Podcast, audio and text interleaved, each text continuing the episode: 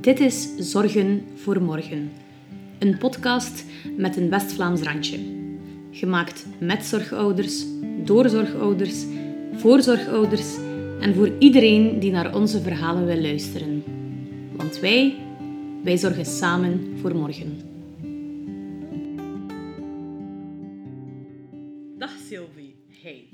Vandaag eh, ga jij met mij zorgen voor morgen. Ehm, ter info voor onze luisteraars, wij kennen elkaar wel al redelijk lang, maar wij hebben samen in het middelbaar in de klas gezeten. Ehm, grappig hoe dingen soms gaan, denk ik dan. Jij bent getrouwd met Mark, die ook bij ons in de klas zat. Dus, hé, voilà. Sometimes, sweet, eh, hoe zeggen ze dat? High school sweethearts. Ja, dat. Ja, voilà. Sometimes it's a, it's a real thing. Het is niet alleen in de series. Je bent verpleegkundige en leerkracht. Ja. Ehm, en mama van Mauro, die zeven jaar is. En Luca, die is er vijf. En daarom ben je hier. Ehm, ik ga beginnen met het verhaal van Luca, want dat is het duidelijkste verhaal, denk ik dan. Ehm, je bent besmet geraakt met CMV tijdens je zwangerschap. Ja. Voor zij die CMV niet kennen, het cytomegalovirus. En toen dacht ik, wat is dat eigenlijk? Want er wordt wel gepra- gepraat over eh, CMV, bla bla bla. Eh, en dan heb ik op, opgezocht wat dat is. Dat is blijkbaar een zeer veel voorkomend virus.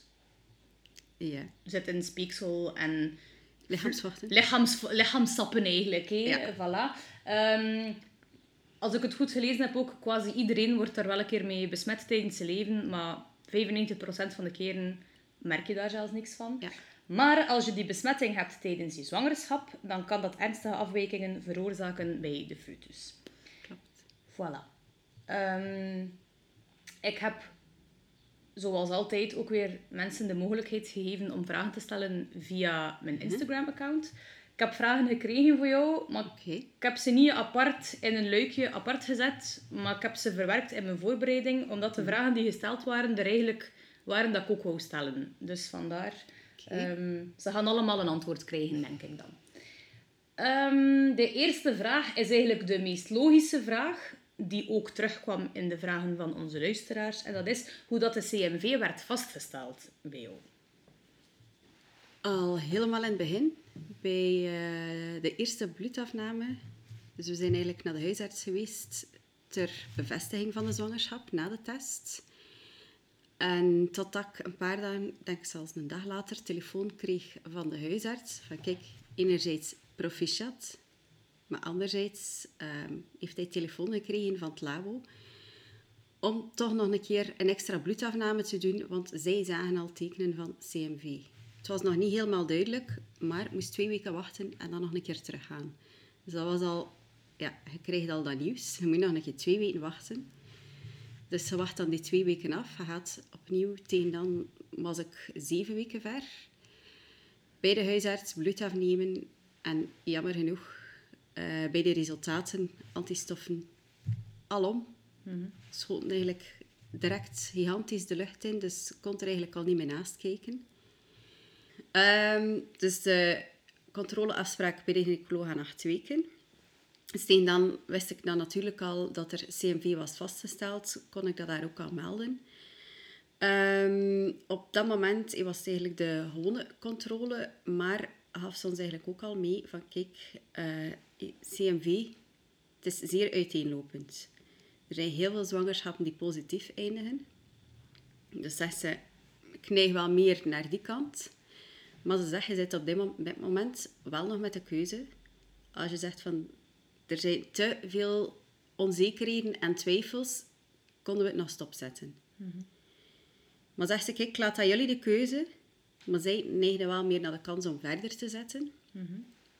Maar eh, ja, het feit dat je al dat te horen krijgt, die keuze krijgt... Dat is op dat moment toch ook wel een onmogelijke keuze, met dat je het niet Niks weet. weet. Ja. Ja.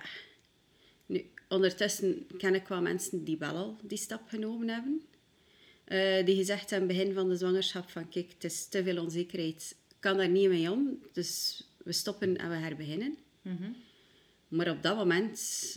Allee, ik heb dat vroeger ook altijd al gezegd. Van kijk, zolang of dat alles nog oké lijkt, stop ik ook nooit niet met een... Allee, voor mezelf, Mhm. met een zwangerschap. Als het lukt. Maar dat gaf zoveel ineens op dat moment. Mark die ook zei van, kijk, ga gewoon jou volgen. Als hij zegt van we stoppen, dan stoppen we. Mhm. Als hij wil verder gaan, dan gaan we verder. Dus eigenlijk, Eigenlijk heeft hij de beslissing bij jou gelegd. Want, ja, onbewust. ja, want had Mark daar zelf een mening over, los van wat dat jij wou? Je heeft het nooit niet helemaal uitgesproken, maar ik dacht, allee, had wel het gevoel dat hij een beetje meer neigde van, we gaan opnieuw beginnen. Maar dat is een beetje mijn gevoel. Je hebt dat ook nooit niet willen uitspreken om mij daar niet in te beïnvloeden. En gewoon ook mij de keuze te geven en te zeggen van, kijk, hij mogen vrij kiezen. En hij stond daar dan ook wel volle 100% achter, hè, wat dat koos. Maar op dat moment ligt wel alles bij mij. En waren dat wel even zo'n mom- momenten van, "Goh, wat doen we daarmee?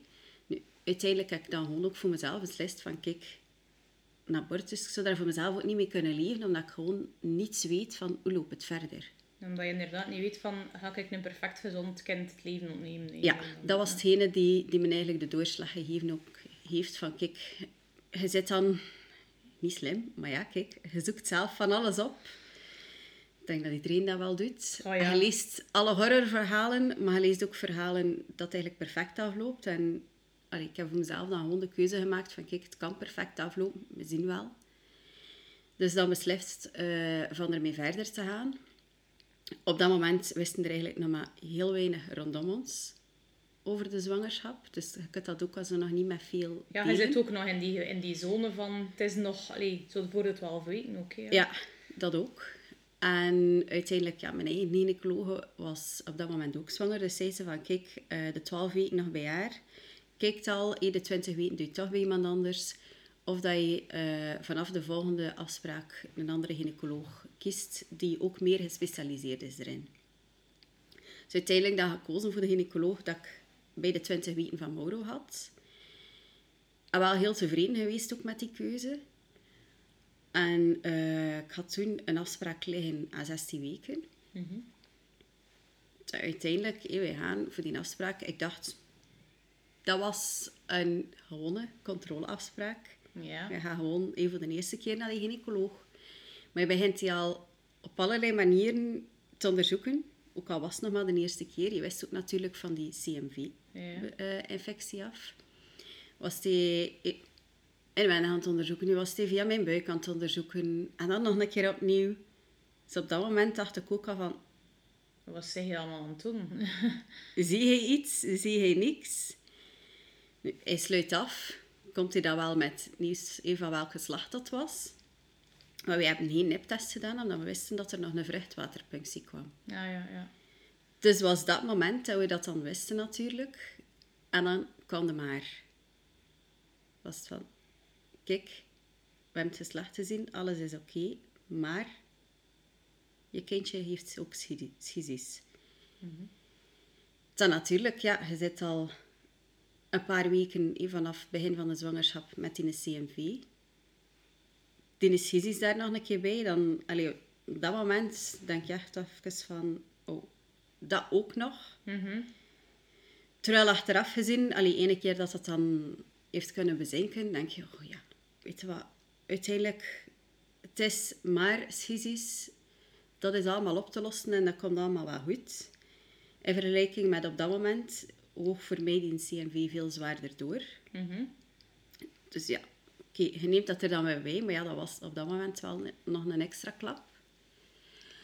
Ehm, nu, ik was al blij, maar ik kon er op dat moment niet bij zijn met de echo, omdat hij moest werken. Had ik eigenlijk alle geluk dat ik eh, nog een vriendin mee had, klinisch, Ja, ja, ja. die uiteindelijk ook eh, de meter geworden is van Luca. Dus dat ik eigenlijk niet alleen dat nieuws ook te horen gekregen heb. Dat we dat wel achteraf samen in de auto, dat we wel nog even konden eh, over napraten. Maar eh, ja, de volgende afspraak was aan 19 weken. Heb ik toen de vruchtwaterpunctie gekregen. En dat was dan natuurlijk een weekje rust nemen, niet mogen gaan werken. In functie van die vruchtwaterpunctie, voor alle risico's die eraan verbonden zijn. Maar natuurlijk, ja, tijdens de week, iedereen is aan het werk. Hij zit thuis, hij heeft juist die vruchtwaterpunctie gehad. Ja, je hoofd. Het is een, ja. ja, voilà, een mallenmolen. Eh, moest ik nog wachten tot een week later om dan de resultaten te horen. Dat uiteindelijk dan eh, ook het virus in het vruchtwater teruggevonden is. Wat dat dus ook niet standaard is. Dus de kans zit erin dat jij zelf besmet bent. En dat het niet tot het kindje komt, dus dat het niet in het vruchtwater terug te vinden is. En de kans zit er dus ook in dat het in het vruchtwater is. En dat je ook weet dat het op die manier bij de baby terechtkomt. Ja. Want als jij besmet raakt en het raakt niet in het vruchtwater, dan is het kindje eigenlijk Gezond. is ja. gezond. Hè, ja. Heeft het geen risico naar het kind toe. Ja. Dus is dan Lucas en Eschisis het gevolg van die CMV-besmetting? Weten ze dat? Ze gaan ervan uit van niet. Maar ik twijfel nog altijd. Ik heb ook onmiddellijk die vraag gesteld. Van, heeft een met ander te maken? Zoals zowel de gynaecoloog als de prof hebben gezegd van niet. Maar ondertussen, ik heb ook een mama dat ik volg op Instagram. Die toevallig ook een kindje met CMV en schizis. En we zijn allebei, we hebben allee, er al over gepraat via Instagram, dat we dachten van wel heel bizar of heel toevallig. En wij twijfelen er allebei wel over. De artsen zeggen van het is niet bewezen. Volgens hen heeft het er niet mee te maken, maar ik vind het twijfelachtig. Ja, ik snap dat ergens wel. Want allee, het is makkelijk om te zeggen, het een heeft niet met het ander te maken. Maar net in het begin van je besmetting zeggen Ja. dokters zelf, CMV is, zo uiteenlopend. En dan denk ik, waarom zoveel- sluiten ze het dan uit? Ja, en ook zoveel risico. En net op het moment dat ik de infectie gehad heb, wordt ook alles gevolgd en allee, gevormd in die embry- embryonale fase. Ja. En schizis komt net ook voort uit een fout in de embryonale fase. Dus ja, vandaar dat mijn twijfelen ook wel zit. En nog altijd. Ik ben er nog altijd niet van overtuigd dat het niet met elkaar te maken heeft. Maar ja, kom. Ja. Het is Maar niets dat- aan te doen natuurlijk. Maar is dat belangrijk voor jou om te weten dat wel of niet van die CMV komt? Of heb je zoiets van, ja, pff, het is er nu, wat maakt het nu eigenlijk uit wat, van waar het komt? Goh, ik heb er vroeger veel meer mee in mijn hoofd bezig geweest. Terwijl nu heb ik zoiets van, ja, kijk, ja. Het is zo, het is nu... Allee, het is er, allebei. En er is ook niets niet meer aan te doen. En of dat dat ook te voorkomen was, dat is ook de grote vraag. Mhm, ja. Dus goh, uiteindelijk nu niet meer. Maar ik heb er wel mee in mijn hoofd gezeten. Dat ik dacht van, allee. Is het gelinkt aan elkaar of niet? Ja. Nou, ik snap het, dat je dat ergens toch, dat dat in je achterhoofd nog zit. Ehm, nu, we gaan uiteraard wel nog zijn aandoening zelf daar nog even over eh, uitweiden. Maar ik wil even nog terugkeren naar die CMV-besmetting zelf. Ehm, ik vraag me dan af, hé, wetende dat je besmet bent met CMV, als ik zwanger was, was het altijd pas op voor toxoplasmose, hé, uitwerpselen van dieren, bla bla bla. Maar mm, wetende dat jij CMV gehad hebt, vind jij dat er voldoende preventie is rond CMV eigenlijk voor zwangeren, met dat je het nu ook zelf gehad Ja. hebt? Heel duidelijk, nee. Ik ben verpleegkundige, dus ik weet wat dat CMV is. Ik weet ook perfect waar je moet op letten. Maar als ik rond mij kijk of rond mij daarover vertel, zelfs bij mijn zussen die verpleegkundigen zijn, die veel allemaal uit de lucht. CMV, wat is dat? Moet je daarvoor opletten? Heel veel mensen, heel veel vrouwen die zwanger zijn, die het gewoon niet weten. Er wordt zoveel verteld inderdaad rond tox- toxoplasmose, maar het is eigenlijk even risicovol. Ik ben nu heel blij met dat ik nu zelf lesgeef, een beetje in de gezondheidszorg, dat beiden in de cursus, als het over zwangerschap ging, stonden. Maar er zijn zoveel mensen die het eigenlijk niet weten. En ik heb me daar in het begin heel hard over gefrustreerd.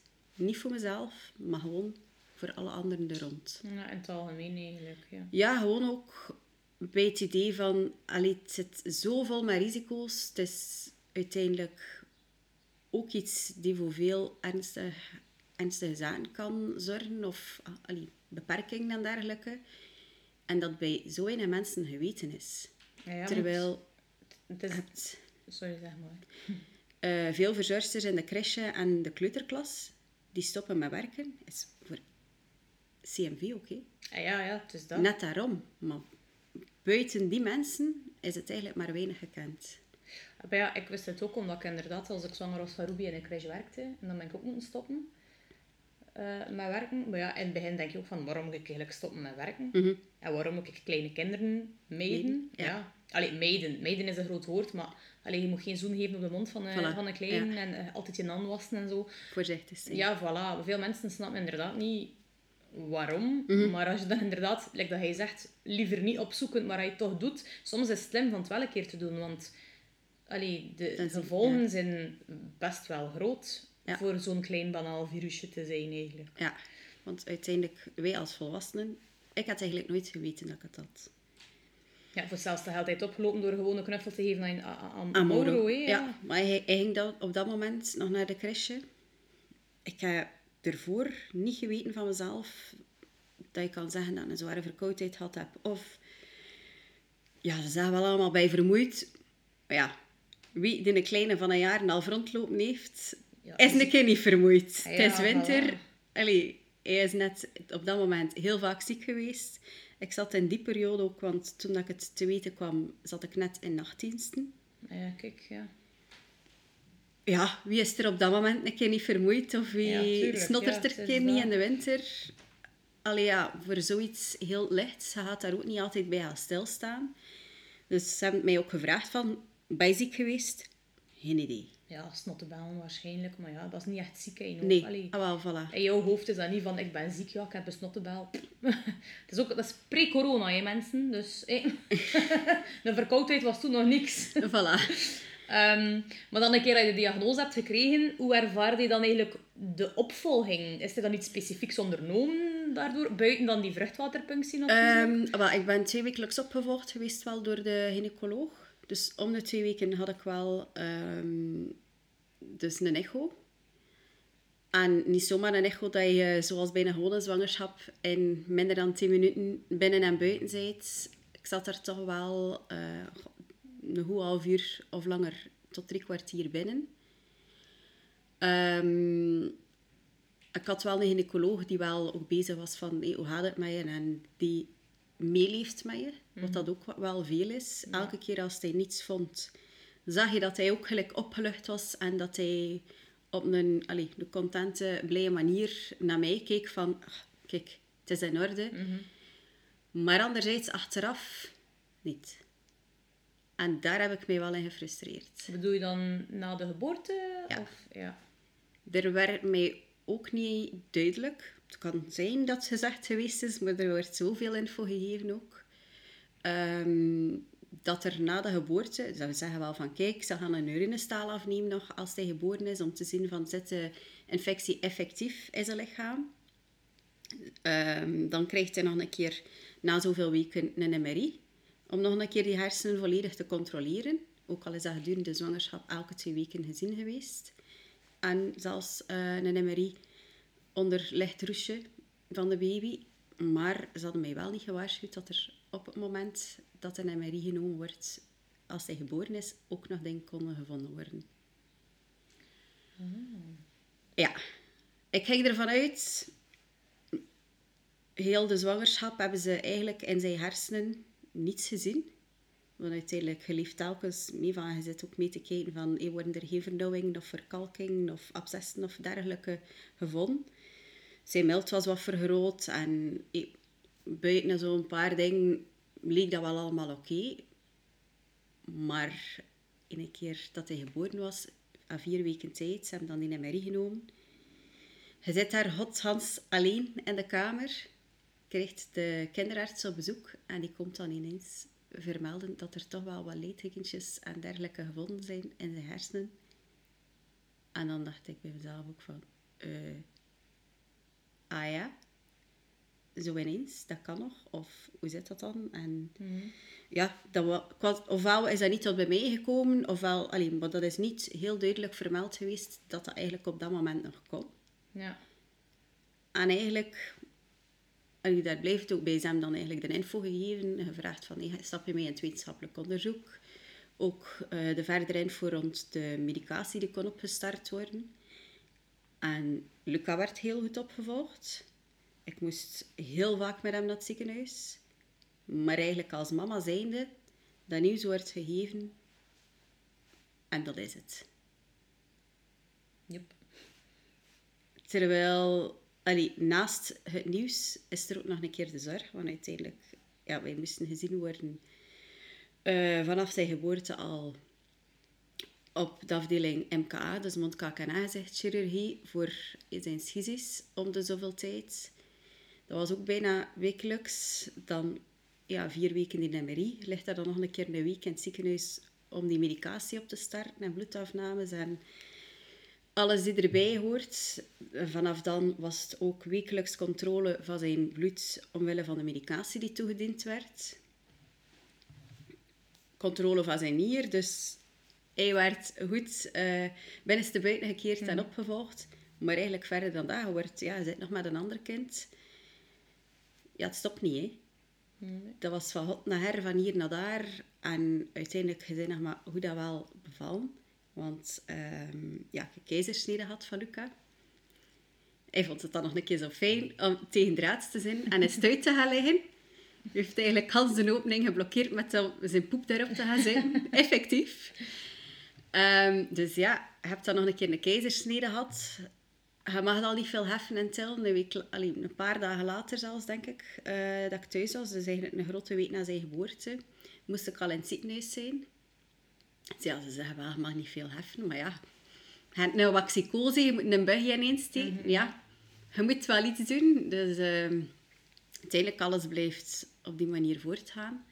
Maar allee, ik ben al heel blij dat ik op dat moment lang genoeg thuis was. Maar ik heb achteraf wel nog mijn klop gehad.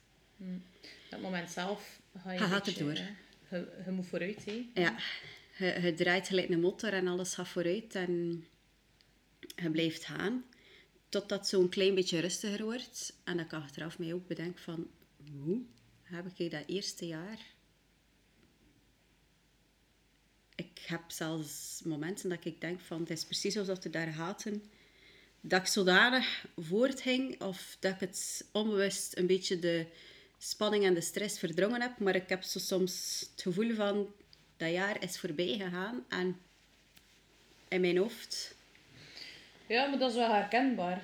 Allee, het jaar van Flins en uh, diagnose, heel veel gaten. Zelfs ook van voor de diagnose is er heel veel weg mij. Ja, die, die zwangerschap, dat is ook iets die geleefd werd dan zijn eerste jaar, dat ik die periode denk van... Dat zijn niet echt periodes van, uh, van genot, hè? nee, ja, je vliegt daardoor en achteraf gezien denk je van... Waar is dat naartoe? Die tijd. Mm -hmm, ja, dat is gepasseerd in een vingerknip, hè? Ja. Um, nou ja, dus ja, je zet een kindje op de wereld met schisis. Mm -hmm. um, wat ik wel weet van schisis, is dat dat ja, dat heeft verschillende gradaties van ernst. Ja. Ik weet niet wat dat bij Luca um, was. Bij Luca is het enkelzijdig, want je kunt dat aan beide kanten hebben. Ja. Zijn ene kant, zowel zijn lip, zijn kaak, uh, dus ja, tandenboog ook. Mm -hmm. Dus waar dat de tanden ingeplant zijn, dat was ook uh, gespleten. En zijn volledig gehemelte. Dus eigenlijk als je van binnenuit keek, kon je eigenlijk gewoon recht naar boven kijken tot aan de neus, om het zo te zeggen. Dat was eigenlijk, ja, een Hans had een hele opening die, die er op dat moment was bij de geboorte. Dat moet als mama heel confronterend zijn om te zien, denk ik dan. Of valt dat mee? Ja, nee. Je zit er ergens, doordat we het zo vroeg wisten, op voorbereid. Ja. En je probeert zo wel een beetje dingen op te zoeken, gewoon om te weten wat dat er komt. En ergens zeg je wel al bij jezelf van, kijk, ik weet dat dat er is en het is mijn kind. Dus allee, je zet in je hoofd al een beetje van, kijk, ik ga daar proberen over te kijken. En het eerste moment denk je wel even ook van, oeh, het is wel een serieus gat, omdat het echt Hans door was. Maar goh, op zich leg je dat een beetje naast je neer als mama. Achteraf, als ik nu naar foto's kijk, denk ik toch soms van... Hoe? Het was ja. toch eigenlijk wel... Allee, toch een enorm had, om het zo te zeggen. Ja, ja. Maar ja, op dat moment Het was eerder eh een beetje naar buiten gaan. Zo heel in het begin, dat ik toch wel dacht van... "Goh, het is te hopen dat niet alle mensen hier zitten te staren. Niet omdat ik schaamte had voor mijn kind, maar gewoon omdat ik zoiets had van... Het is er en... Allee, uiteindelijk, het komt wel goed. Maar dat is gewoon omdat dan dat de mensen zo zijn kijken. Ah, ja, ja, was ze in een buggy of een ding als ze kijken en ja, Ja, ze verschieten dat waarschijnlijk ook zo, of ik weet niet. Goh, het waren vooral opmerkingen die dan kwamen. En niet altijd in het negatieve, maar zo van... Ze kunnen al veel tegenwoordig. Ah maar zo, zo, ja. op een manier... Ja, zo van, je moet er niet mee zijn, madamtje, dat je kind dat hebt, want tegenwoordig kun je al veel voor het, voor het probleem op te lossen en voor hem mooier te maken of zo. Ja, maar het is, eh, het is niet altijd dat... Allee, en niet per se dat buitenste dit probleem heeft. Want Het is, de, uiteindelijk... het is de binnenkant. hè. Het, gaat, Ja. ja. het gaat waarschijnlijk ook over zijn slikken, zijn kauwen, zijn, ja, zijn Ja. alles eigenlijk. Hè. Ja. Want uiteindelijk, ehm, zijn lip in het eerste half jaar was dat al gesloten. Hij was zes maanden oud en zijn volledige lip was proper, mooi dichtgemaakt. Dus is zijn eigenlijk- lip ook de minste van die zorgenhuis. hè. Voilà. Ja. Maar langs de buitenkant was er op dat moment nog weinig te zien, behalve zijn neusje. Maar uiteindelijk, ja, een neus, dat wordt ook gesteund door je lip en de kaak en Mhm. alles eronder en er rond. Dus bij hem valt dat aan de kant dat open was, eigenlijk helemaal plat. Ja. Hij heeft uiteindelijk wel vrij vroeg een soort van beugeltje gehad dat wij in het gehemelte moesten plaatsen met iets die de neus ook ondersteunde, om dan een beetje steun te geven en vorm te geven ook. Maar toch, allee, je ziet dat wel nog altijd, want die neus is ook een beetje scheef gegroeid. Al van allee, voor de geboorte. Omdat die, die steun ook weg is, dus dat dat niet helemaal recht zit. Dat is dus het enige die op dit moment maar voor ons, ik ga het zo zeggen, nog zichtbaar is. Want allee, we zijn wel heel blij. De chirurg heeft dat wel heel proper en netjes eh, kunnen dichtnaaien en, terug helemaal op zijn plaats zetten en daar een mooie lip van maken. Dus buiten dat, maar ja, het is inderdaad alles die niet zichtbaar is, die wel voor het probleem zorgde.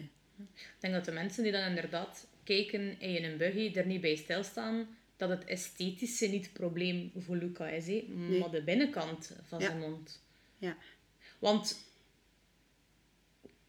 hoe snel zijn ze dan eigenlijk begonnen met die operaties? Is dat iets dat ze redelijk snel zijn beginnen doen van nu dat hij nog zo klein is, we kunnen, of wat Ja. doen ze dan precies? Ehm, dat is ook wel iets heel bizar. In elk systeem, dus er zijn in verschillende regio's in België ehm, in bepaalde ziekenhuizen een systeem aanwezig. Eh, dus je kunt daar niet overal voor terecht. Dus bijvoorbeeld hier in Brugge hebben we Tazet Sint-Jan, waar dat echt het team, de, de arts, dan heb je daar een orthopedist bij, een logopedist, echt een, ja, een Hans team die ja. daar mee bezig is. En in elk team pakken ze eigenlijk de behandeling anders aan. Ah ja. En dat is ook een beetje dan het iets van, ja, je raakt er als mama wijs uit. Hè. Waar ga je naartoe? Ja, welke moet Wat is het beste? Ja, elk team gaat zeggen dat zij de beste manier hebben natuurlijk. Want ze gaan niet zeggen over zichzelf dat een ander het beter doet. Ja. Maar en je hebt, heb je dan gekozen van voor Brugge? Of... Ik kende uiteindelijk, aangezien dat ik kinderverpleegkundige ben, kende ik dokter Sven al. Ik ja. kende uiteindelijk ook de operaties een stuk. Aangezien dat ik nog op de afdeling gewerkt heb, dat er toen al eh, kindjes bij ons op de afdeling geweest zijn. Ik heb er op dat moment toen ook een bijscholing over gehad van dokter Svennen.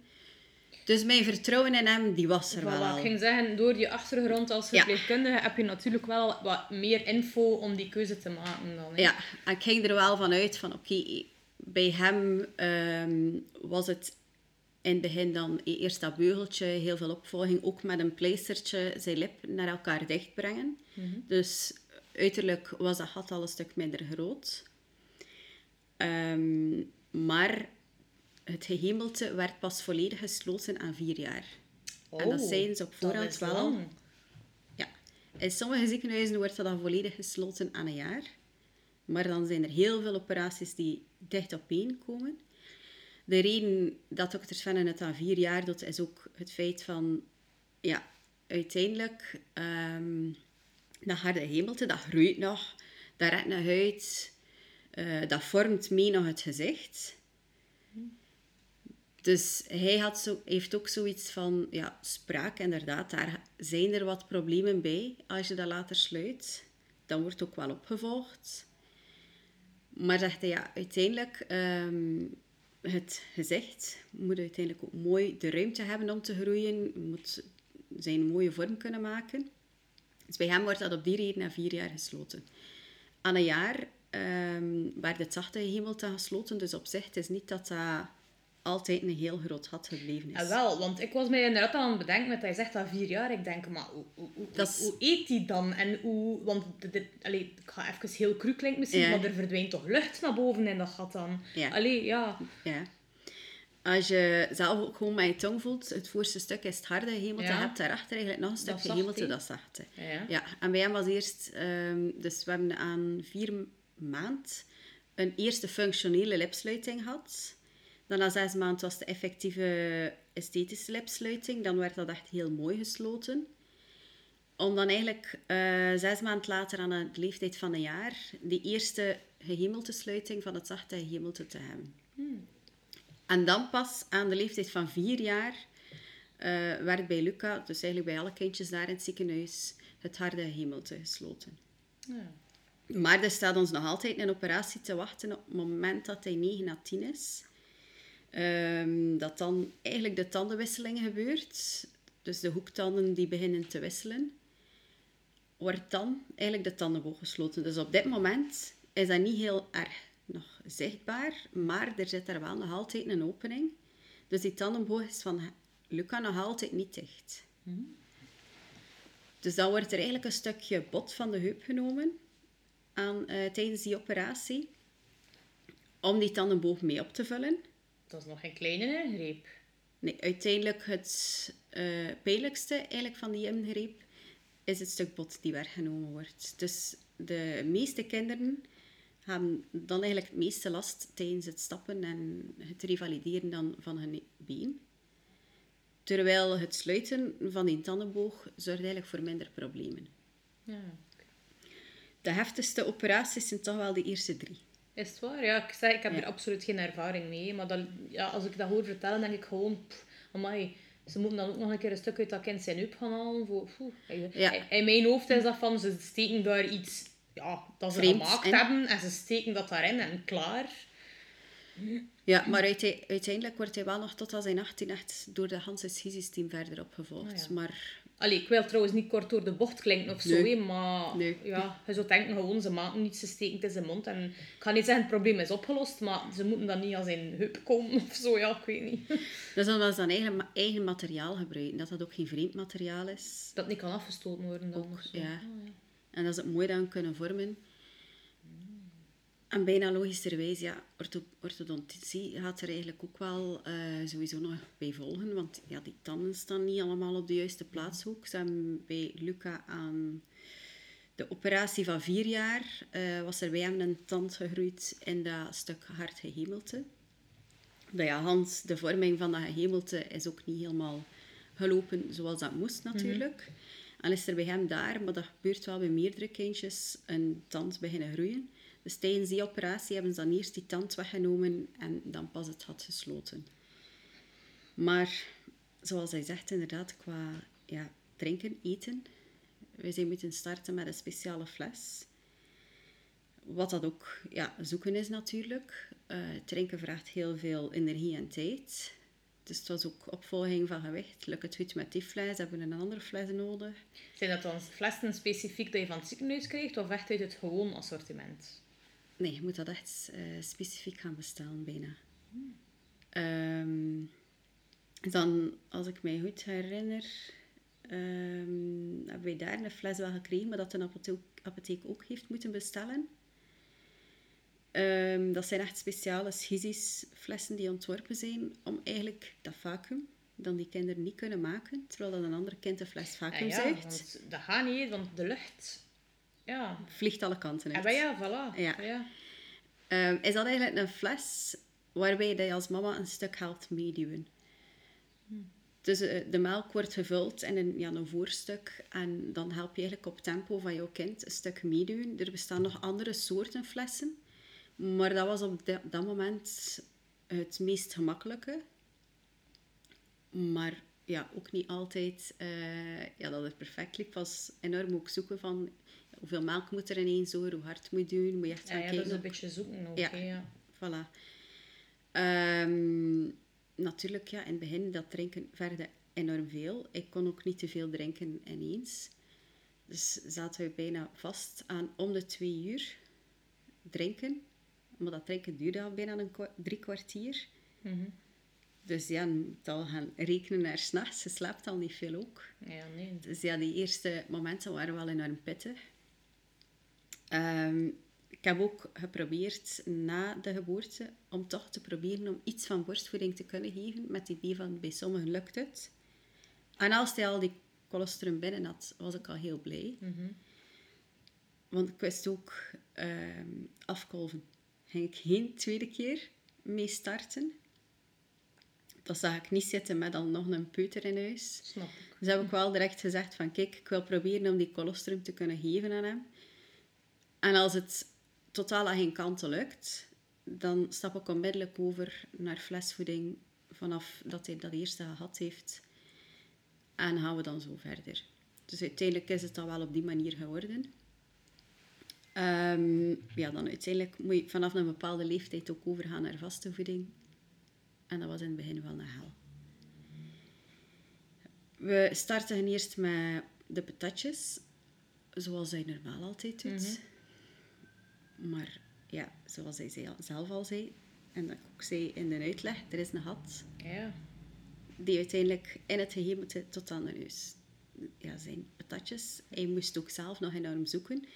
Een kind, normaal gezien, gaat ook eerst de voeding tot aan het gehemelte duwen. Maar ja, als hij zijn voeding naar boven duwt, Ja, ja, alles hè. er langs de neus terug uit. Maar- Dus dat was soms, ja, willen met de kraan open, eten dat je heeft, die Komt grotendeels ja, terug via de neus terugkwam. Dus dat was ja, een enorme zoektocht. Ja, want ik vraag me dan af, bestaan er dan geen hulpmiddelen om iets in zijn mond te steken? Waardoor, waardoor... Allee, ik, ik, ik, ik, ben, ik probeer aan zo'n probleemoplossend te denken. Niet dat dat echt op te lossen valt, hè, Nee, maar ik vraag me dan af, allee, als arts, je weet dat je een kind hebt met schisis, je kunt dat niet direct, niet direct allee, opereren, maar dat kind moet toch kunnen eten. Allee, ja. Ja, we hebben wel dat plaatje dat we ook gebruikten, maar dat ja, was ook niet echt ideaal tijdens het eten, want dat kruipt dan ook overal tussen. Je kunt dat niet vaststeken dan waarschijnlijk. Goh, dat zit ergens wel vast, maar ja, toch als dat eten dan daartussen komt en was ook niet altijd zo proper. ja. Ja. het komt er dan toch ook nog een stuk tussen. Ehm, je krijgt dan wel tips van ja, probeer met de lepel omgekeerd om dat gat een stuk op te vullen. Maar ja, dat was nu ook niet echt een succesverhaal. Ehm, maar ja, uiteindelijk heeft hij dan na veel proberen en gewoon niet... eh, allee, we hebben ook niet doorgedrongen, we hebben het hem gewoon aangeboden. We hebben gewoon veel geprobeerd. Heeft hij dan ook wel een manier gevonden dat hij wel zijn eten probeerde zoveel mogelijk naar achter te brengen. En er kwam wel standaard nog eten eh, door zijn neus. Maar op den duur lukte dat wel. Maar dan kom je aan de fruitpap. Ja, dat is nog meer geplet en nog meer lopend waarschijnlijk. Of, Ja, dat ook. Maar je moet al een keer gaan denken. ehm, als je iets zuurs eet en dat komt door je neus. ah, ah ja, Dat is. dat, ja. En hoeveel stukken fruit bevatten toch één of iets van zuur? Ja, veel. Voilà. Maar in het begin sta je daar zelf ook niet direct bij stil. En begin je fruitpap te geven, dat kind begint te brullen, te krijsen, te tieren alle kanten uit. En je denkt, wat doe ik nu verkeerd? Totdat we dachten van, hmm, als we dat fruit geven, dan heeft hij dat precies minder. Dat je dan zelf... dat minder hebben dan men... Voilà, wij zijn dan in het begin echt puur gestart op gewoon banaan geplet met koek. En dat veel geprobeerd en dat ging dan op een duur wel. En dan bijvoorbeeld een mango. En stilletjes aan konden we dan al zo wel een beetje gelijk pier. Dat ging ook allemaal goed, maar wij moesten niet gaan afkomen met een kiwi bijv- Ja, bijvoorbeeld. nee. Geen sinaasappel daarbij gaan Ja, draaien nee, bij hem. tuurlijk niet. Dus amai. ja, in het begin was dat wel enorm zoeken. Van ja, wat kunnen we hem geven, wat lukt er niet? Ehm, ja, zaten wij natuurlijk op in het begin ook nog een keer met het feit dat hij gemakkelijk geconstipeerd was. Waarbij dat dan ook nog een keer zo was, ja, bananen, dat kan voor constipatie zijn. Dus was het zo'n beetje zoeken en alles. Dus ja, uiteindelijk ehm, gaan we daar aan door. En yoghurtjes had hij dan op een bepaald moment zo van die babyyoghurtjes. En we hebben ook veel van die babyyoghurtjes zitten geven. Om hem dan toch iets vaste voeding te laten eten. En dan kom je op het punt dat ze mogen beginnen boterhammetjes eten. En voor hem was dat een wereld die open ging. En ineens begon hij graag te eten. En hij was verzot op boterhammetjes op dat moment. Want dan kwam de operatie aan een jaar. En dan mocht hij ineens geen boterhammetjes niet meer eten. Ai. Ja, zaten we dan daar. Maar uiteindelijk allee, hebben we hem dat redelijk rap dan een beetje met de zoppen en goed zacht te krijgen, lukte dat dan wel weer. Hebben we eigenlijk op dit moment een kind die gelukkig wordt van eten. Ja. En als wij terugkijken naar toen, hadden we dat nooit niet kunnen denken. Maar nu geeft hem iets van eten en hij wordt blij. Dus Dat is goed, hè, ja. Ja. Want dat was inderdaad mijn volgende vraag. Van, eh, op dit moment, dus nu als vijfjarige, welke problemen ondervindt hij nu nog van die dysgesies? zijn spraak.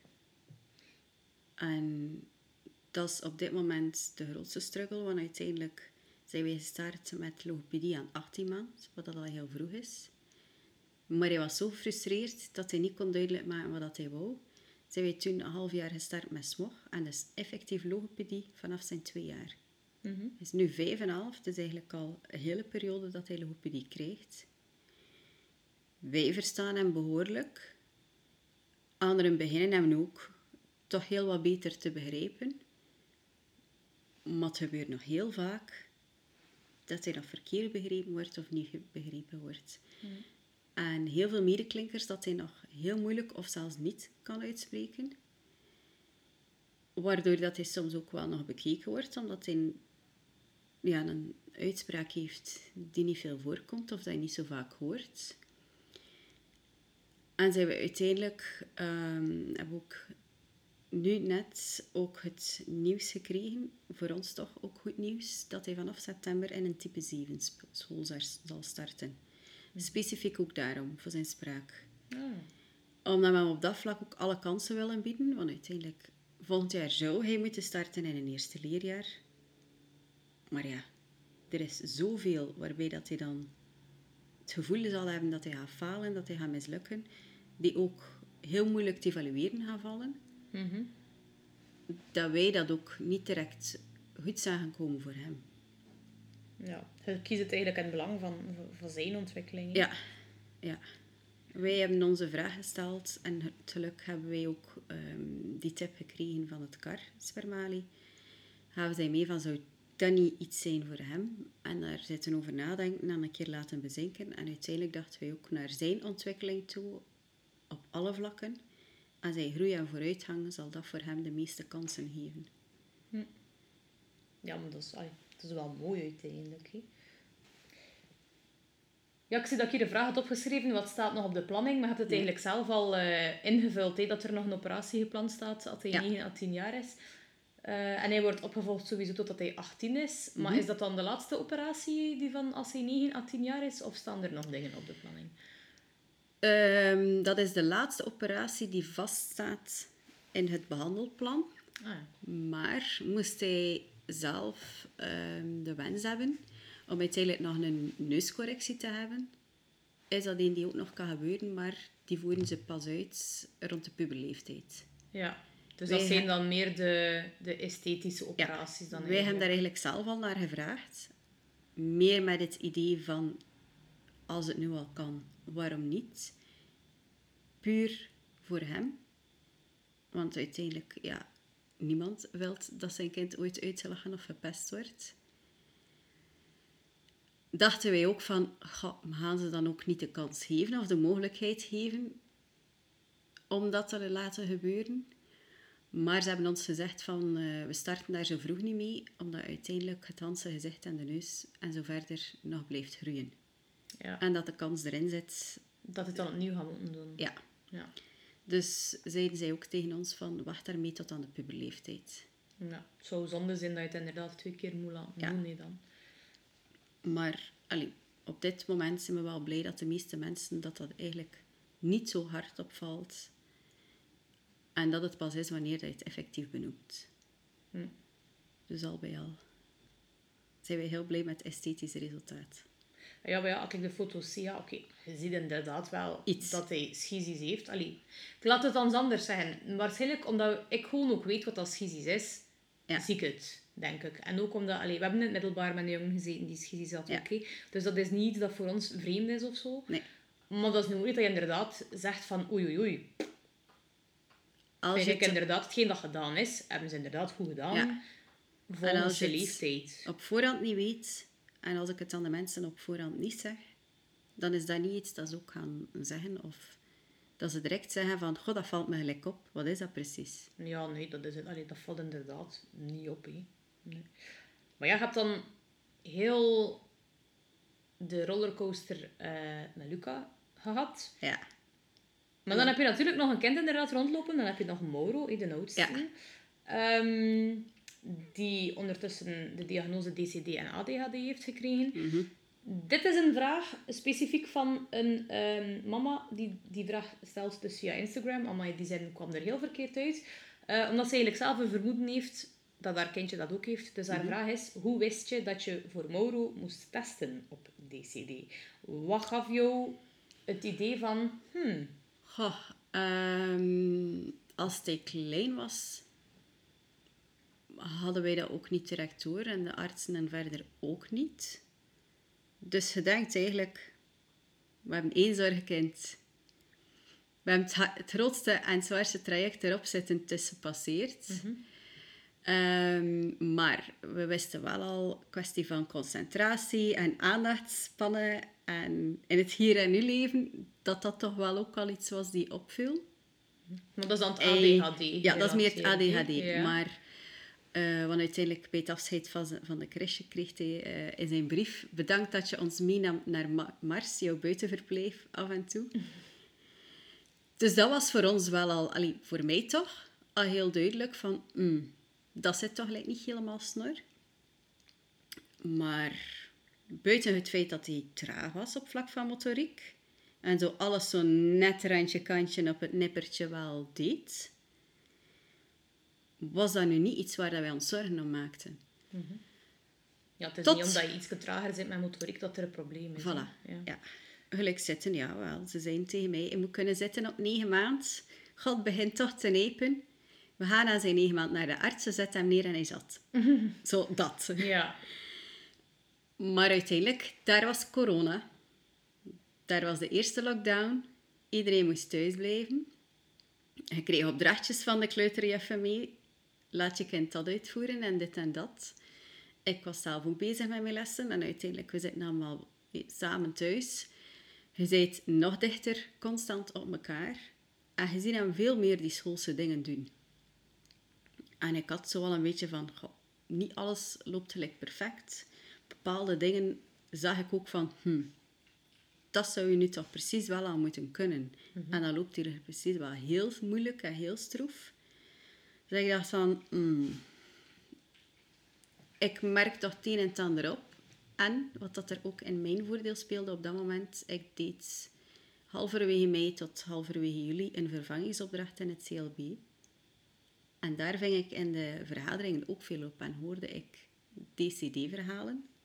Waarbij dat ik op dat moment ook dacht van, tja, Klinkt herkenbaar. ik herken hier een aantal dingen ook wel van. En ik dacht, goh, weet je, ehm, ik ga nu toch, volgend jaar heeft hij derde kleuter. Ik ga een keer eh, toch ergens een afspraak maken. En ben ik bij een psycholoog terechtgekomen die IQ-testen en zo verder afnam. Dacht ik van, eh, ik zal het CLB een keer opbellen om te horen of dat er eh, zaken zijn dat ik van hen en school uit moet meenemen naar de intake. Maar ik hoor je zeggen, een psycholoog en een IQ-test. Ja, ik denk dan direct, wat heeft zijn motoriek met zijn IQ te maken? Oh, wel, het was vooral om een keer te zien van, ja, waar loopt het moeilijk? En is... Het gaat om het begrip vlak. van het uitvoeren of het effectieve... Ja, ja, nee, Ja. daarmee, ja. En ehm, uiteindelijk hoorde ik op dat moment aan de telefoon van het TLB, ja, maar ja, ehm, het school zat met het idee om hem zijn tweede kleuter te laten herdoen. wat blief, dacht ik. Dat is het eerste dat ik daarvan hoor. We waren op dat moment al eind april, begin mei.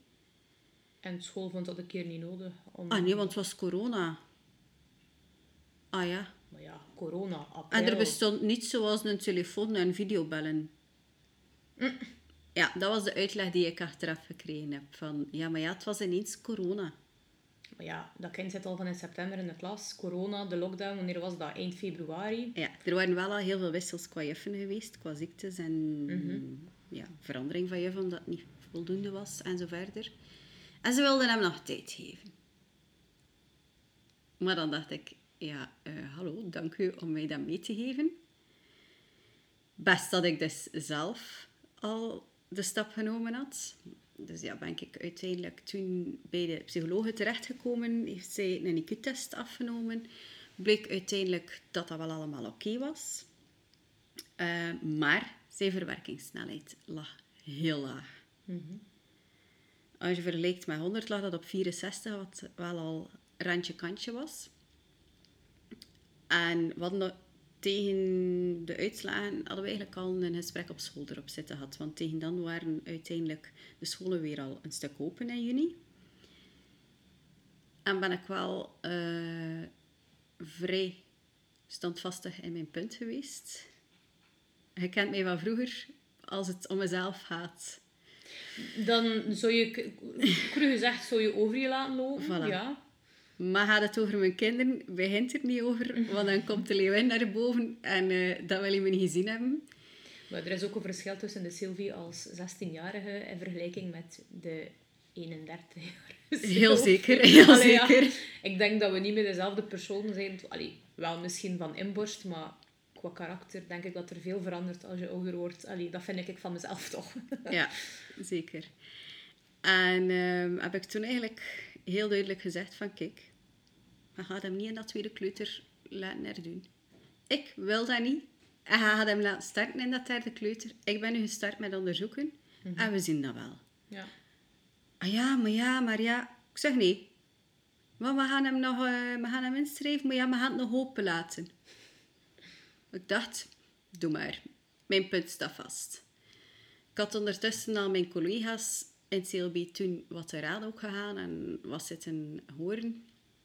En uiteindelijk, ehm, na die verwerkingssnelheid, direct ehm, de tol hier in Brugge opgebeld om te, een afspraak te hebben bij de kinesiste. Nu, zij was op dat moment nog in zwangerschapsverlof en startte begin juli ergens. Dus we zijn dan in de zomer kunnen langsgaan. Ze heeft zij gezorgd dat eh, die onderzoeken redelijk eh, vlot konden doorgaan. En alles eh, qua resulta- resultaten en besprekingen zijn nog doorgegaan voordat eigenlijk de scholen en het CLB opnieuw open ging. Hm, amai, dat is eh Ja, snel we op de hebben- bal gespeeld. Ja. Hoe dat allemaal zo snel is kunnen gaan, ben ik heel blij om. Maar we weten dat ze vaak anders loopt. Maar je hebt gewoon de juiste, de juiste persoon op het juiste moment gehad, denk ik. En doordat zij terugkwam uit zwangerschapsverlof, stond haar agenda ook nog vrij open. Ah, ja. Hadden ze wel dat- nog die ruimte daarvoor. En kwam er eigenlijk heel veel naar boven op vlak van motoriek. Wat is het dan moeilijk voor Mauro ehm, qua verwerking? Of omdat je zegt van het gaat wat trager zo en het is moto- motorisch gezien. Ehm, wat is wat zijn, zijn moeilijkheden? TCD is daarin heel complex. Ah, dat ja, uitzicht want- bij elk kind anders. Eh, Developmental Coordination, disorder. disorder. is gelijk aan coördinatie, ontwikkelingsstoornis eh, voor de niet-Engelstalige mensen. Maar inderdaad, ja, coördinatie, ja, dat, dat omvat zoveel. Ja, de vroegere benaming was ook dyspraxie. En in het Engels clumsy child. Clumsy child, maar we zijn allemaal wel een beetje clumsy. Allee, ja. Maar als ik kijk naar Mauro, dan omvat het hem ook wel een stuk. Ehm, goh, ja, wat loopt er moeilijk? Zowel uiten van kracht, weten veel of niet veel kracht zetten. Fijne motoriek, ehm, we zijn heel blij met alle hulp dat we ook al gehad hebben. Het leren schrijven nu. Je ziet ook wel dat het niet perfect is, maar hij doet wel heel hard zijn best. Maar ja, knippen. Heel lang geduurd, zelfs nu nog. Dat je ziet van, het is niet perfect en het loopt nog moeizaam. Ehm, ja, ook echt leren en weten van tijdens knippen. Wat moet ik doen met mijn handen? Ehm, ook ja, het fietsen. Dat is heel veel coördinatie. Bij de Ja. coördinatie-ontwikkelingsstoornis. Fietsen Alles, dat is, is- coördinatie ten top. Dat eh, was voor hem verschrikkelijk moeilijk. Wij zijn daarmee gestart, maar dat liep heel moeizaam. We hebben dankzij zijn ondersteuning ook dat we dan te horen kregen dat er een kampje was voor kinderen die ondersteuning type 4 kregen, waarbij dat er ook fietsen aangeleerd werd. Dus ik heb hem daar vorige zomer voor ingeschreven. Heeft hij een weekje naar dat kampje geweest, dus op en af ook gebracht naar Roeselare. En uiteindelijk had hij al heel veel geleerd. Ik kon nog niet perfect fietsen. In een week tijd kunnen we dat ook niet verwachten van die mensen. Maar ik kon al deftig zijn fiets aan de hand vasthouden. Ik kon er al opstappen. Ja, dat, is, dat Hij- is al heel wat, hè. Ja, Allee, hij had al geleerd hoe, dat hij, hoe dat hij moest starten. Dat altijd lukte, laten we het midden. We hebben daar verder nog veel op geoefend. Natuurlijk gemerkt, de winter. Iedereen fietst minder. Ja. Het werd weer goed weer en we merkten al direct van, oeh, hij sloeg al direct weer in paniek. En dat was al direct weer groot drama van, en ik kan dat niet. En Ja. dat is te moeilijk. En hij heeft zo heel vaak het gevoel ook van, ik kan hier dingen niet. En uiteindelijk allee, heb ik hem nu opnieuw ingeschreven voor dat kampje. Ik heb even getwijfeld, omdat ik dacht van, goh, ik kan toch al het een en het ander. Maar hij wil heel graag mee met ons kunnen naar school fietsen. Maar ik vertrouw hem daar totaal nog niet in. Ja, ja. Dat- broer fietst nu al een jaar mee op het voetpad richting school, als het goed weer is. En hij zit dan, ja, als ik met de fiets ben, van achter op mijn fiets. Als zeven en een halfjarige. Ja. ja. Ruby is er negen, zit soms ook nog van achter op mijn fiets weg. Maar ja, je, je ziet dan zo het verschil tussen Ja, ja. de twee op dat vlak dan wel. Maar ik dacht, als ik hem nog een keer dat kampje laat doen, had hij daar ook weer veel zelfvertrouwen Dus in dat is wat goed En- voor zijn zelfvertrouwen. had hij terug wat tools krijgen om bijvoorbeeld ook, want die bochten nemen is heel moeilijk, met zijn armen juist draaien, eh, op de juiste momenten reageren. Want uiteindelijk, ja, DCD, wat gaat er ook heel moeilijk? Plannen, organiseren. Ja, zit en fietsen ook allemaal. Hè. Je moet plannen wanneer dat je alles doet. Je moet je beweging organiseren. Eh, bijvoorbeeld ook gewoon heel stom, een boekentas. Je moet dat kunnen organiseren. Voor veel kinderen is dat moeilijk. Ik had zover zelfs nog niet gedacht. Ehm, bijvoorbeeld ook gewoon een dagplanning. Wij doen al gewoon omdat we weten dat dat voor hen werkt. Heel vaak de dingen in de juiste volgorde. Wat dat voor hen een stuk wel ook voorspelbaarheid heeft. Maar als je hem laat doen en je geeft hem geen houvast, ja, dan zou dat alles doorheen gebeuren. Ehm, maar dat heeft enerzijds te maken met zijn DCD, maar ook nog een keer zijn ADHD die daar bovenop komt. Die geen cadeau is daarbij. Ja, nee, waarschijnlijk. Dus eh, ja, dat is een beetje.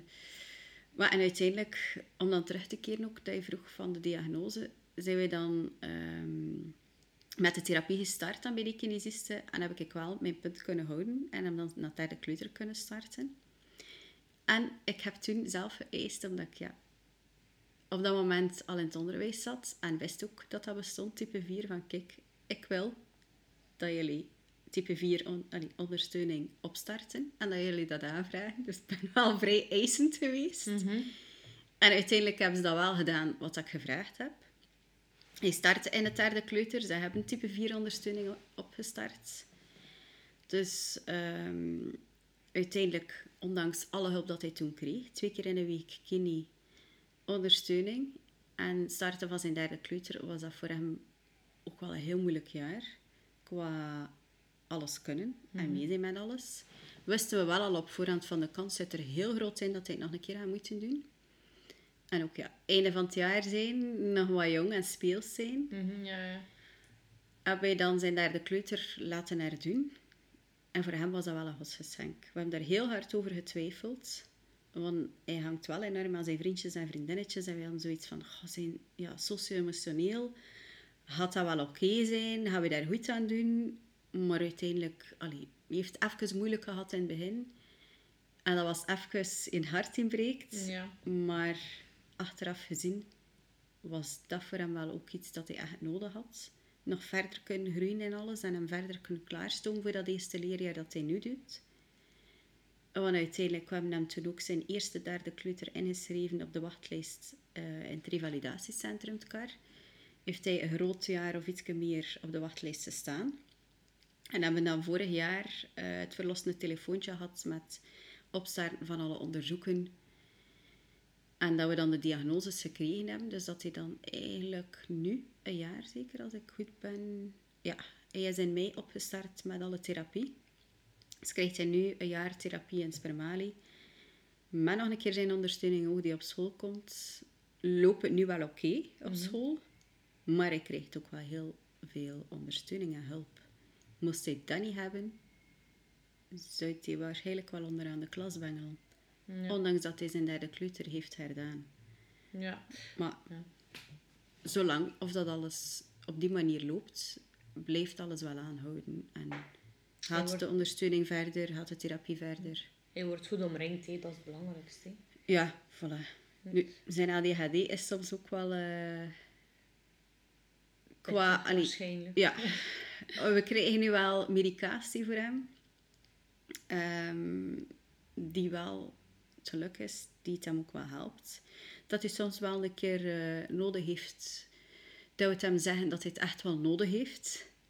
Want soms heeft hij zoiets van, "Goh, ik heb geen zin om dat te slikken. Vooral gewoon echt dat moeten slikken. Omdat dat is echt een pilletje. Mhm.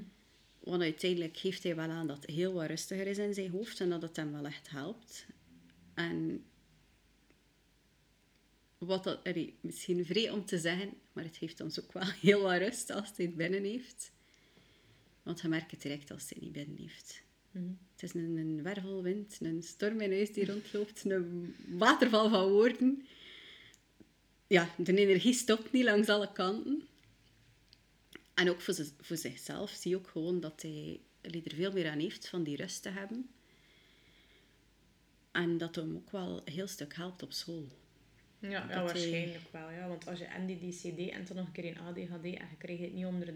Ja, hebt het allebei niet in de hand, dan kan dat volgens mij voor hem heel moeilijk zijn. Ja, maar je ziet ook dat hij het niet altijd zo bedoelt, maar dat hij het gewoon niet in de hand heeft van wat dat hij allemaal doet. Dat de controle een stuk verder staat dan zichzelf. Ja, Dus, eh, snap ik. Nu, wat is voor jou en Mark het moeilijkste aan al die diagnoses van Luca en Mauro samen? vooral het constant daarmee bezig zijn. Dat je wel altijd weet van, ja, je moet constant met alle twee wel bezig zijn. Is niet met een opvolging? Is niet met de zorgen je ook in je hoofd zit? Is ook wel bezig zijn, bijvoorbeeld nu ook met Mauro, moeten we constant bezig zijn voor hem te begeleiden, ook in zijn huiswerk. Maar ook evengoed, de ochtenden zijn vaak een hel of een ramp, want dan heeft hij ook heel vaak ja, zijn medicatie nog niet binnen. En hij komt nog maar net uit zijn bed. Hij is nog moe. Hij is nog aan het wakker worden. Dus in het begin gaat het moeizaam en gaat hij traag, maar ineens krijgt hij zijn energie. En dan zit hij met duizend en gedachten in zijn hoofd. En is hij met alles bezig dat hij niet moet bezig zijn. In plaats van met zich klaar te maken, zit hij soms meer te spelen dan ja, wat dat hij effectief moet doen. Dus ja, als mama zei eigenlijk tegen dat je moet vertrekken naar je werk, alle stuk eh, Ik zeg van je energie ik kwijt. zeg hen altijd dat ik op mijn werk kan komen, kan ik al een hele dag... marathon. Ja, het is al heel een dag gepasseerd bij ik en mijn dag moet ik nog beginnen. Dat is meestal Ja. wat ik ken. Ja, maar God het is vooral ook, ja, je zit constant wel aan het nadenken over hoe loopt alles nog verder. En de constante afspraken en vergaderingen en het soms, ja, het stopt niet. Mhm. Eh, weten dat je op en af moet om ze te brengen naar de therapie, om ze te gaan halen naar de therapie, moet je plots, ja, kan ik over laatst open deurdag op school, sliepen ze bij mijn ouders, kwam ik plots tot het besef, het is juist, Mauro moet zaterdagochtend naar een therapie. Mama gaat hem moeten brengen. Mhm. Maar dat is niet altijd best, ja, omdat je het zodanig gewoon bent van zelf te doen. Ook gewoon ja, alle doktersafspraken. Volgende week staat er alweer een afspraak op de woensdag gepland om een controle te hebben. We hebben net de Hanse Mallemolen gehad ehm, met we weer bellen en afspreken met school en CLB. Aftasten bij Spermali naar de infoavond gaan voor de nieuwe school. Oh, kwam er dan even nog een twijfel of dat we wel nu het verslag gingen maken of niet. Ging mijn haar alweer gaan rechtstaan en was ik al eh, weer een ja, gefrustreerd. en zat ik alweer recht op mijn paard om in een aanval te schieten. Totdat ze uiteindelijk dan toch eh, heb ik ja, een beetje alles in eh, ja, de strijd gegooid van argumenten. Van ja, maar ja, het is wel dit en dat die belangrijk is. En allee, zagen ze dan toch in dat ja, zijn hoofdprobleem toch wel zijn spraak is op dit moment. En dat dat wel hetgeen is die zal geholpen worden. Ehm, dus ja, uiteindelijk dan toch de stap genomen. Is het ook goedgekeurd in het team van CLB. En ehm, hebben wij hem nu al kunnen ingeven in Spermalio ook door naar de infoavond te gaan van kijk, hier, formulier al ingevuld. En is nu nog een beetje de afweging van gaat hij enkel en alleen gewoon de school hebben, want er zijn ook verschillende systemen. Gaat hij zorgaanbod kunnen genieten met MFC en ja, het hele eh, zorgaanbod van extra punten met kan er therapie in de schooluren doorgaan, is er voor en na schoolse begeleiding opvang. Dat de enerzijds, maar ook anderzijds, die nu al in ons hoofd zit van ja, twee kinderen, twee scholen. Een vent met onregelmatige uren. Zelf vasthangen naar schooluren, maar je krijgt maar jouw lesrooster eind augustus. Hè. Mhm, ja. Mij gaan moeten kunnen doorgeven van, ja, kunnen wij hem enerzijds zelf afzetten? Gaat hij in die zorg terecht kunnen en kunnen wij hem eventueel in de vooropvang afzetten? Of valt dat allemaal weg en is het enkel externaat en gewoon schooluren? ja, dat zijn inderdaad... eh, Dus dat is op dit moment een beetje... Ja, maken wij gebruik van de bus, gaan we hem zelf brengen, had de familie. Het is eh, nog een beetje een, een puzzel die moet gemaakt worden. Ja, ik snap dat dat inderdaad eh, niet, niet evident is. Allee, ja. Het is bij ons ook twee scholen en wij moeten ons ook opsplitsen in twee. Ja. We kunnen dat gelukkig, maar ja. Met onregelmatige uren is dat niet zo, niet zo evident. Het is niet evident om gewoon een vast rooster te hebben. Allee, kwestie van wie brengt er hem, wanneer. Het is vooral een beetje dat. En een keer gaan zien, ja, bij het werk, kunnen we daar iets voor krijgen of niet? Mhm. Een keer gaan moeten schoon kijken. Ja, hallo. Ja, ik moet zelf nu nog langs gaan. Vanaf dat juni ingaat, mocht ik een keer langs gaan om te horen van ja, naar volgend schooljaar toe. Hebben jullie uren voor mij? Ja. Al of niet? Ja, voilà, ook al dat. Ja. Nu, ze hebben mij verzekerd dat ze wel gingen zorgen voor uren, maar ja. Ik heb het nog niet zwart op wit gehoord, Ja, dus ik moet nog altijd langs gaan. Dus eh, het is, ja, zoeken. Ja. Ehm, mijn eindvraag Mhm. dit seizoen is met welke quote of zin kan je je situatie op dit moment het best omschrijven? Ik heb er even over nagedacht en ben een beetje een pistes eerst opgegaan qua ideeën, maar ik dacht hoe dat alles al gelopen is en hoe dat nog loopt op dit moment, ehm, ben ik gekomen tot stap voor stap beklimmen we de berg. Langs een pad vol met eh, rotsblokken. Maar doorheen het pad hebben we inderdaad eh, een Hanse test die onze reis wel doorgaat, maar het versterkt ons ook wel heel wat. Vooral als ik naar mezelf kijk. Ga niet meer zo met mij stollen zoals dat ze vroeger met mij konden doen. En zeker niet als het over mijn kinderen gaat. Nee, mooi. Ik merk dat ook wel. Kinderen krijgen en een zorgkind toekoor krijgen, maakt je echt hard. Ja. En het laat je ook op een andere manier naar de dingen kijken. Dat je denkt van... Ja, ja, je hebt dat, maar ja, we hebben dit om mee te struggelen. Dat ik ook al naar mezelf kijk. Dat ik ook met heel wat lichamelijk gestruggeld heb. Dat ik soms denk van, oh ja, ja. Wees blij, het is maar dat. Ja. oh ja. Vooral een beetje die insteek. Ja, dat is mooi. Mooie zin ook trouwens. Dank je. Het is eh, een leuke om inderdaad mee af te ronden. Dan rest mij enkel nog om je te bedanken, Sylvie, om eh, je verhaal hier eh, te komen doen. Ja, Dus, bedankt dat ik mocht langskomen. Ja, graag gedaan. Merci om ons wat ja, meer bij te brengen over iets waar mensen heel zeker nog niet zo fel van op de hoogte waren. Dus dank je wel. Bedankt.